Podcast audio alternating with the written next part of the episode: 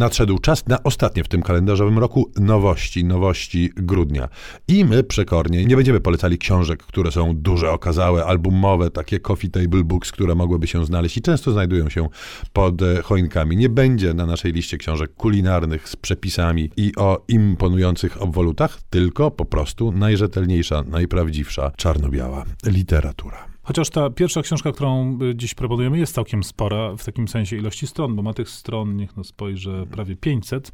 To jest tom opowiadań pod tytułem Nostalgia rumuńskiego autora Mircei Kartaresku, którego już znamy po polsku, bo dwie jego książki, powieści z opowiadań wyszły, były wcześniej w naszym języku.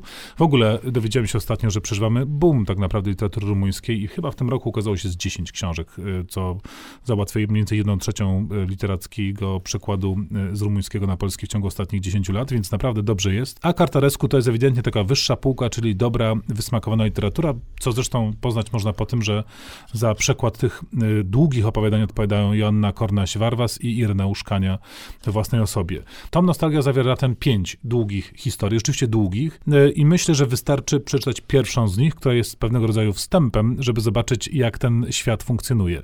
Bo jest w Kartaresku coś takiego Borgesowskiego powiedziałbym, że jest to opakowane w taką y, autorefleksję. Widzimy bardzo wyraźnie pisarza, który tworzy te historie, czyli mamy taką właśnie te, te wszystkie literackie parafernalia i opakowania, co do których y, jesteśmy przekonani. Natomiast w środku nakryje się całkiem niezła i konkretna historia, dość w tym przypadku niesamowita, bo to opowieść o takich potajemnych zakładach y, rozgrywanych w piwnicach miasta, gdzie śmiałkowie przykładają sobie pistolety do głowy i grają w rosyjską ruletkę. Jeden z nich ryzykuje coraz bardziej i zamiast jednego naboju wsadza drugi, potem trzeci, potem czwarty i za każdym razem wydaje się, że los się do niego uśmiecha. Więc mamy taką wysmakowaną, finezyjną, e, pieczołowicie przetłumaczoną i e, bardzo ładnie tak po prostu czytelniczo wydaną e, rzecz, która zawiera w sobie pięć dużych historii mm, trochę fantastycznych, trochę realistycznych i bardzo literackich. Kolejna na naszej liście to książka, y, która też jest spora y, rozmiarowo. Manu Larsenet, Codzienna walka, to powieść graficzna, która została okrzyknięta powieścią y, graficzną roku we Francji dwa lata temu. I to jest rzecz przepiękna, wspaniała, cudowna. Sama okładka po jest, roz, rozbraja. Jest tak, ja mam wrażenie, że powieść obyczajowa jako taka wlazła do powieści graficznej jakiś czas temu i bardzo dobrze się tam poczuła i coraz bardziej e, aktywnie, śmiało się e, rozpycha. Ja mam e, e takie poczucie, że najlepsze rzeczy gatunku obyczajowego po prostu e, to, to, to, to powieści graficzne w, w mojej osobistej literackiej biografii ostatnich mm, lat i codzienna walka tylko to potwierdza. Mamy do czynienia z historią fotografika, który właśnie wraca mm, z dalekich krajów, gdzie robił to, co e, fotografowie w dalekich krajach robią, czyli fotografował e, ludzi głodnych, e, pobitych, zbitych i e, wydanych na, wydanych na pastwę m, przemocy. Wraca, wraca, przechodzi jakiś kryzys wieku średniego, kończy psychoanalizę, wyprowadza się e, na wieś, żeby odnaleźć siebie, odnaleźć nowy sposób na siebie. Tam w międzyczasie pojawia się, jak żeby inaczej, kobieta weterynarz, która ma pewne oczekiwania wobec m, świeżo zapoznanego mężczyzny. On natomiast charakteryzuje się przede wszystkim permanentnymi stanami lękowymi dotyczącymi dotyczącymi wszystkiego, no a wspólnego mieszkania i nie daj Bóg dziecka e, przede wszystkim. I tak to się toczy. E, natomiast e, dzięki temu, że toczy się na e, kartach powieści graficznej, te wszystkie wahania e, nastrojów, te wszystkie odsłony, które normalnie musimy sobie przy m, mm, okazji lektury powieści po prostu do e, powiadać, dopisywać tu są przepięknie i cudownie zilustrowane. Momentami w ogóle jest tak, że wchodzimy ze, ze świata takiego no, umownego, bo to nie jest kreska realistyczna, e, e, w świat rzeczywisty, gdzie e, kilka kart na stronach tej powieści to jest taka, taki rysunek ultra realistyczny, wręcz fotograficzny chciałby się powiedzieć. Nie bez powodu. W tle wybory we Francji, w tle strajki stoczni, w tle przeszłość ojca głównego bohatera, no i od początku do końca kapitalne ilustracje. No się rozpłynął. Robimy przerwę i do nowości wracamy po chwileczce.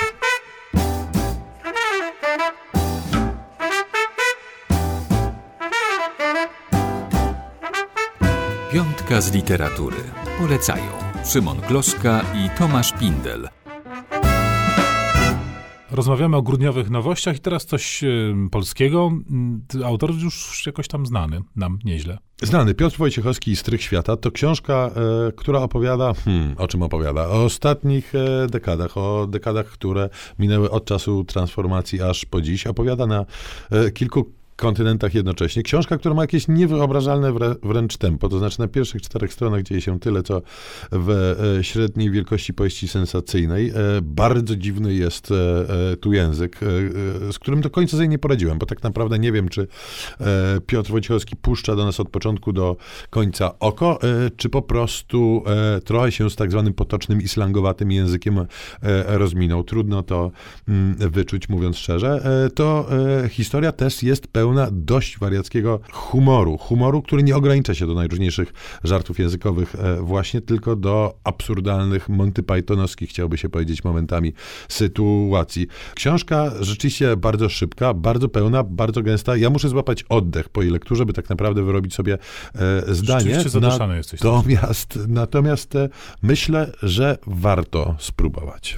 No to teraz coś z nieco dalszych y, rewirów, mianowicie trafia wreszcie do polskiego czytelnika turecki, poczytny autor Hakan Günday i jego powieść pod tytułem Mało. Y, Turcja zrobiła się modna za sprawą przede wszystkim tych kostiumowych seriali y, historycznych, ale to nie taka Turcja. Tutaj w słodycz i kostiumowość idzie daleko w kąt, bo to jest książka dla czytelników o twardych nerwach i szukających bardzo mocnych emocji. Już pierwszy akapit, pierwsze zdanie stawia nas w sytuacji bardzo dramatycznej, bo jesteśmy w takim, no powiedzmy, sierocińcu, szkole y, dla dzieci, gdzie w wyniku nieszczęśliwego wypadku ginie mała dziewczynka.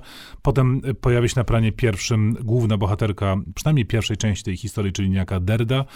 I śledzimy jej y, historię przerażającą, jak zostaje zabrana ze szkoły, jako jedenastolatka wydana za mąż, trafia do bardzo bogatego rodu biznesmenów tureckich i tam traktowana jest w sposób no, niewolniczo-haremowy, czy jak to tam nazywać. Potem podążamy dalej z jej losem przez kolejne lata i dekady. Jest to lektura pełna dramatycznych i bardzo y, straszliwych wydarzeń. Po czym poznamy drugiego bohatera. Ja nie chcę za dużo zdradzać, bo to, ten drugi bohater jest y, pewną niespodzianką i w ogóle to wszystko kończy się w sposób, który powinien być zaskoczeniem, a o tyle nie jest, że wydawca na okładce właściwie nam ten koniec zdradza.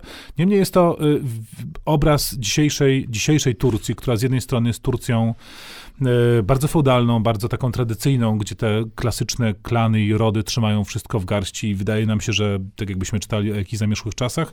Z drugiej strony lądujemy też na przykład w Londynie, w, wśród tam mieszkających Turków, biznesmenów i ta mieszanka świata, wydaje się, dawnego i świata współczesnego e, daje efekt naprawdę wybuchowy. To bardzo mocna i bardzo radykalna proza, więc jeśli prezent pod choinkę, to raczej tylko dla tych, którzy cenią sobie literacką jazdę bez wstrzymanki.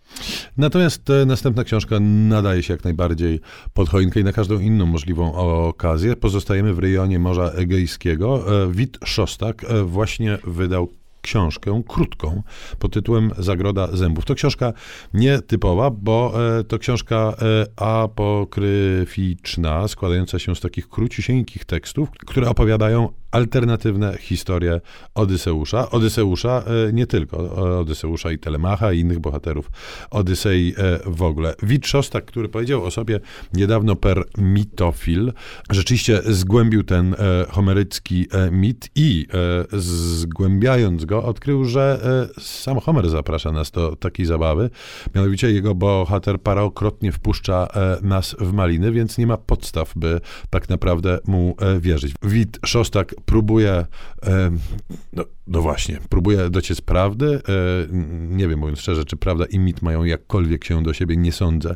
E, natomiast e, opowiada to, co mogłoby być, a być może było z Odyseuszem gdzieś pomiędzy Troją a Itaką. Jest to zrobione za pomocą krótkich, ale bardzo wciągających poetyckich, ale zrozumiałych, broń Boże nie hermetycznych, bo tak często poetyckość się kojarzy e, tekstów. Pojawia się tu też e, sama biografia e, autora i jego przygody z, mm, z Odyseuszem, którego poznał via e, ojcowskie opowieści. No to mamy co czytać tuż przed świętami. Karpie na bok, książki w dłoń. Pozdrawiamy. Szymon Kloska. Tomasz Pindel.